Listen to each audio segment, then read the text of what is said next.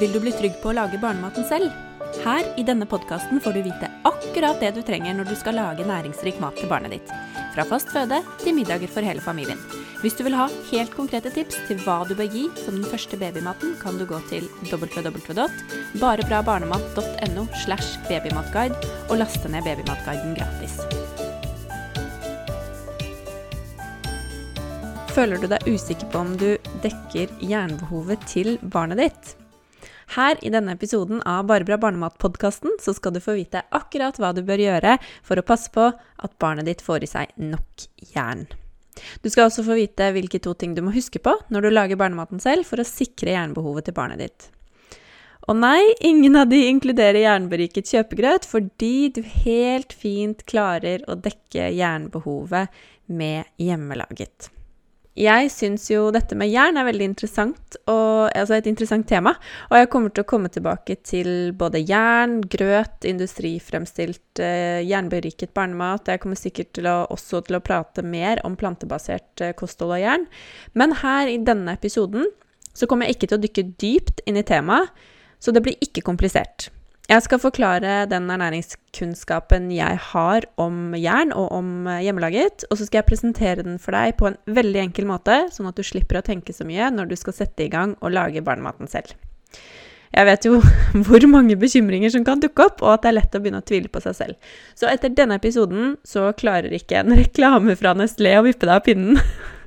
Nei da, jeg er veldig opptatt av at du skal ta et informert valg. Helt uavhengig av om du lager absolutt alt selv, om du kjøper alt ferdig, eller om du gjør en kombinasjon, som de aller fleste gjør i ulik grad. Så jeg håper å kunne hjelpe deg som vil lage barnematen selv, til å bli enda litt tryggere ved å gi deg kunnskapen, sånn at du kan ta gode valg for barnet ditt. Jeg heter eh, Stine, gründer av Bare bra barnemat. Driver eh, Barnematfabrikken, som er Bare bra barnemats online barnematportal. Og har Altså, jeg er mamma til Krisander på seks måneder og Madeleine, som er fem år. Og samboeren min, Joakim, pappaen til Krisander, han spiser et vegansk kosthold. Og derfor så spiser vi veldig mye plantebasert. Nå skal ikke jeg skryte på meg at jeg lager alt, fordi det er han som er uh, kokken. Det er han som lager mesteparten av maten her hjemme hos oss. Så jeg skal dele noen av våre beste jernkilder som vi bruker en del av i et plantebasert kosthold. Jeg vet jo at det er veldig mange som lurer på dette, og rødt kjøtt er jo ofte utpekt som en av de store jernkildene og at vi får en sånn oppfattelse om at vi må ha masse rødt kjøtt. Men det er også mulig å dekke jernbehovet med et plantebasert kosthold for den som ønsker det. Og det er heller ikke nødvendig å inkludere store mengder rødt kjøtt i kostholdet om du ønsker å dekke jernbehovet med kjøtt. Og dette velger du jo så klart helt selv, men jeg skal si noe om både jern fra dyreriket og jern fra planteriket, hva som er hovedforskjellen, og hva du bør tenke på for å dekke jernbehovet. Når eh, jeg skulle starte med fast føde til datteren min Madeleine, som nå begynner å bli litt over fem år siden, så var jeg på seks måneders kontroll med henne, og da jeg kom på helsestasjonen, så ble jeg anbefalt kjøpegrøt. Som var det som var alternativet når man skulle starte med fast føde. Men for meg, jeg ville jo lage mm, hjemmelaget, og det var helt naturlig for meg at valget falt på hjemmelaget. Jeg lagde mesteparten av maten til meg selv, og kjøpte jo i utgangspunktet lite ferdig. Så jeg sa jo at jeg ønsket å lage hjemmelaget mat. Og jeg fikk jo støtte i det når jeg først sa at jeg ønsket å lage hjemmelaget. Men mitt, mitt inntrykk, og det er også erfaringen, tilbakemeldingene jeg får fra dere, er det at uh, industrifremstilt, jernberiket kjøpegrøt var uh, go to. Det var første, altså første anbefalingen. Så når jeg gikk fra helsestasjonen, så um, følte jeg meg egentlig ganske sånn usikker.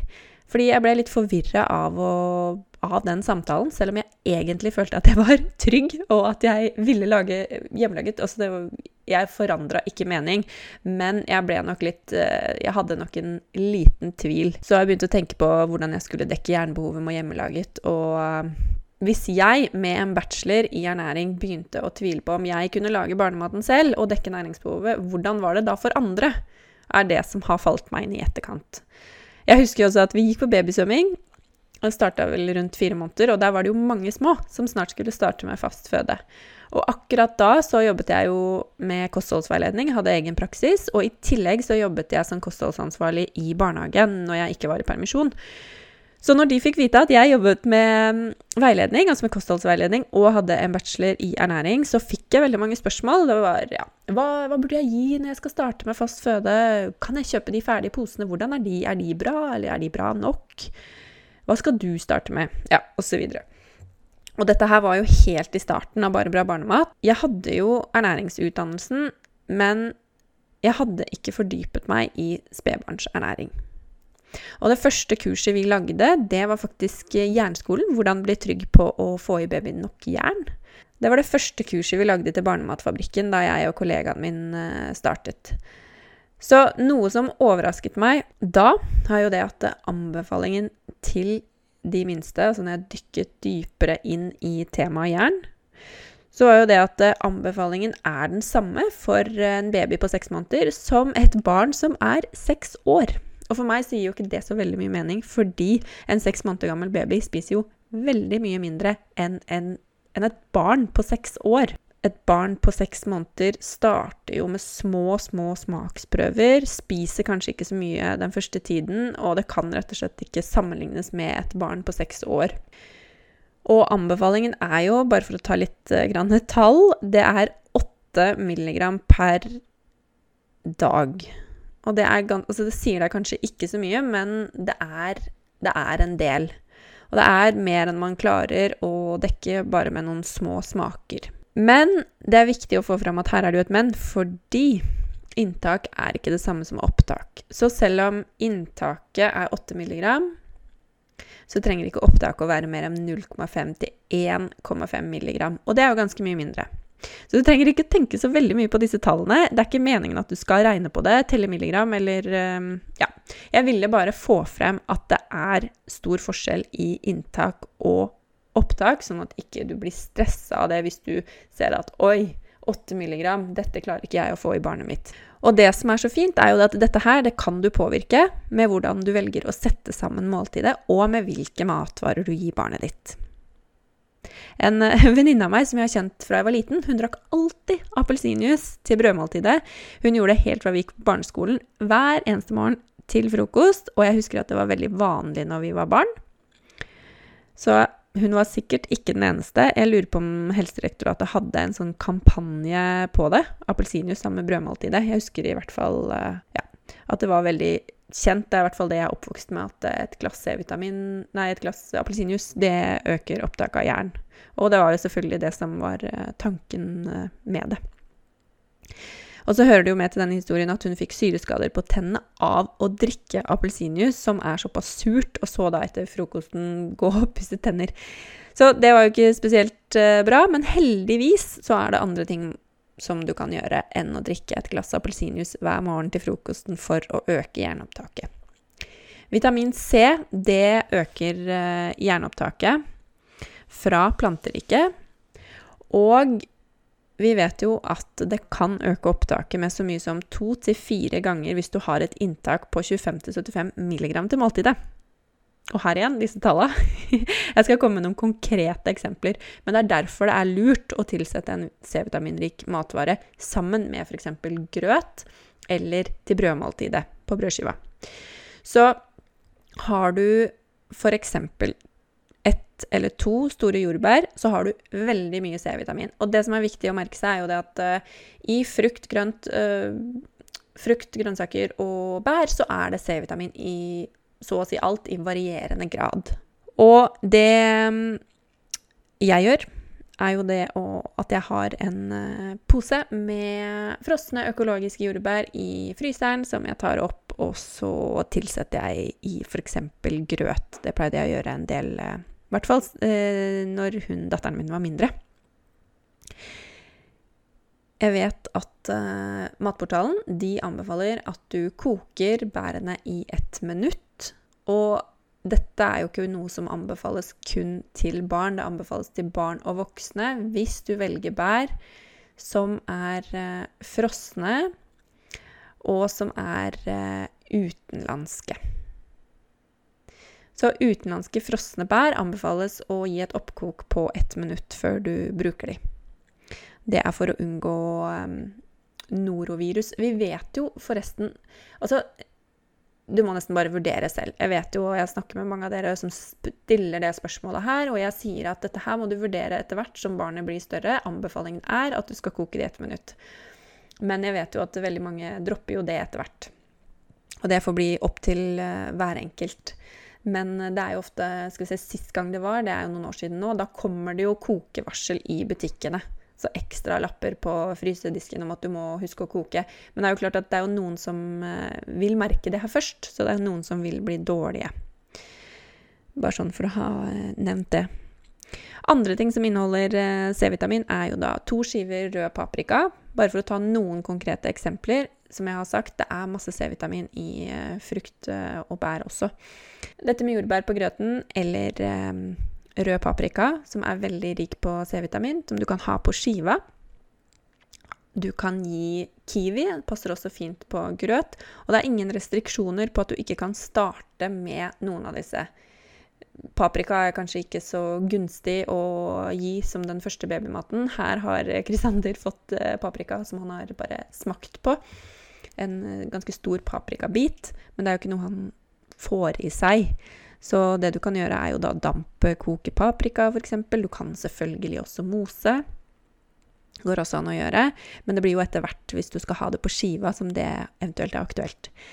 Og en uh, mamma i Barnematfabrikken, hun sa jo det at uh, hun visste faktisk ikke om at når du bløtlegger Jeg vet ikke om du har hørt om bløtlegging, men når du bløtlegger korn, så bryter du ned noe som heter fytinsyren.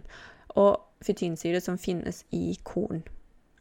Og hun sa at hun har, Det har hun aldri hørt om, og hun har lagd så mye grøt. Så hun var veldig veldig glad for at når hun fikk barn, vi, ettersom vi vet at jern er spesielt viktig for de minste, og de får i seg for lite jern, veldig mange barn, så at det er eh, fokus på jern, og hvordan man kan øke jernopptaket, så var ikke hun klar over at bløtlegging i det hele tatt fantes eller hadde noen effekt. Så det du kan gjøre, er jo det å bløtlegge når du lager grøt. Eksempel lager du hirsegrøt som den første babymaten som er naturlig rik på jern. Så kan du bløtlegge minimum en time. Da legger du det i vann, og så koker du det opp etterpå. Og det er jo kjempeenkelt. Bryter ned fytinsyren. Du kan også ha et uh, fytaserikt korn i grøten. Det hjelper også. Så første steget er å bløtlegge, og andre steget kan være å putte i et frutaserikt korn som f.eks. rug eller uh, speltmel. Sammen med da f.eks. hirse. Og det som uh, jeg, dette, må, altså, dette må frem, fordi husk at uh, du helt trygt kan fullamme til seks måneder med tanke på jern også. I industriland så er det ikke vist at det er noen fordel for barnet å starte før, fordi barnet får jern fra mor. Altså så lenge du passer på, du og jeg som ammer, passer på at du har god ernæringsstatus, så har barnet ditt det også. Så her gjelder reglene om å passe på, passe på seg selv først, så passer man også på barnet. Og når det kommer til Dette er det mange som lurer på. Ok, kan, eh, få eller kan barnet få i seg for mye jern? Og fra maten så er det kjempeuvanlig å overdosere på jern. Så det er på en måte et ikke-tema. Mens eh, hvis du gir kosttilskudd, altså jern i tilskuddsform, det bør du kun gjøre om barnet har fått påvist jernmangel bortsett fra det, altså tar du jerntilskudd selv, så hold det unna babyen det, eller barnet, for det kan eh, Da kan det være risiko for at de veldig, veldig fort får i seg altfor mye jern. Og det kan være selvfølgelig skadelig. Hvis du vil ha helt konkrete tips til matvarer du bør inkludere i kostholdet, så kan du gå til både fra, altså dette er både fra dyreriket og fra planteriket. Så kan du gå til www.barebrabarnemat.no slash jern. Vi bruker jo en del eh, bønner og linser, som er gode kilder til jern i kostholdet vårt. fra, som er plantebasert. Urter er også faktisk noe som kan inneholde en del jern, så ta en titt i den oversikten når du laster ned den. Det er forskjell i opptak fra det vi vet. Nå har jeg snakket om eh, plantebasert, eh, også i forhold til det her med hvordan du kan øke jernopptaket, fordi veldig mange lager grøt. Så hvordan du kan øke jernopptaket både ved å tilsette en C-vitaminrik kilde og ved å bløtlegge. Men det er altså forskjell i opptak, så dette som heter hemjern, som er jern fra dyreriket, det tas opp mer effektivt enn jern fra planteriket. Men da kan du også gjøre disse to tingene som jeg nevnte. Så for å oppsummere de to tingene du må huske på når du lager barnematen selv for å sikre jernbehovet til barnet ditt, det er å tilsette en C-vitaminrik kilde i grøten eller til kornmåltidet, til brødmåltidet. Du kan bruke jordbær i grøten, du kan bruke rips hvis du har det, kjempefint om sommeren. Du kan bruke solbær, du kan bruke blåbær. Frukt kan du også bruke. Sitrusfrukter, eh, kiwi. Og på skiva så kan du f.eks. bruke rød paprika, som er veldig rik på C-vitamin. Da øker du opptaket av jern. Og så, nummer to, eh, det du kan gjøre for å øke jernopptaket Altså, du kan I korn så finnes det noe som heter antinæringsstoffer, og da bløtlegger du for å bryte ned denne fytynsyren og det gjør gjerne mer eh, Altså gjør det lettere for kroppen å ta det opp fra kornet. Altså fra grøten eller fra brødskiva. Så bløtlegg gjerne en times tid, gjerne mer. Du kan sette det på benken og la det stå til eh, dagen etter. Og så kan du koke opp, og så har du bløtlagt, og da har du hjulpet barnet ditt til å få i seg mer jern. Eller hjulpet kroppen til å ta opp muligheten til å ta opp mer jern. Men eh, trenger du tips til jernrike matvarer, gå inn på www.barebrabarnemat.no slash jernguiden. Og så får du en oversikt, topp 25 over jernrike matvarer som du kan gi til babyen din. Håper du har fått masse nytte av episoden. Du finner meg på Instagram som Bare bra barnemat og på Facebook som Bare bra barnemat.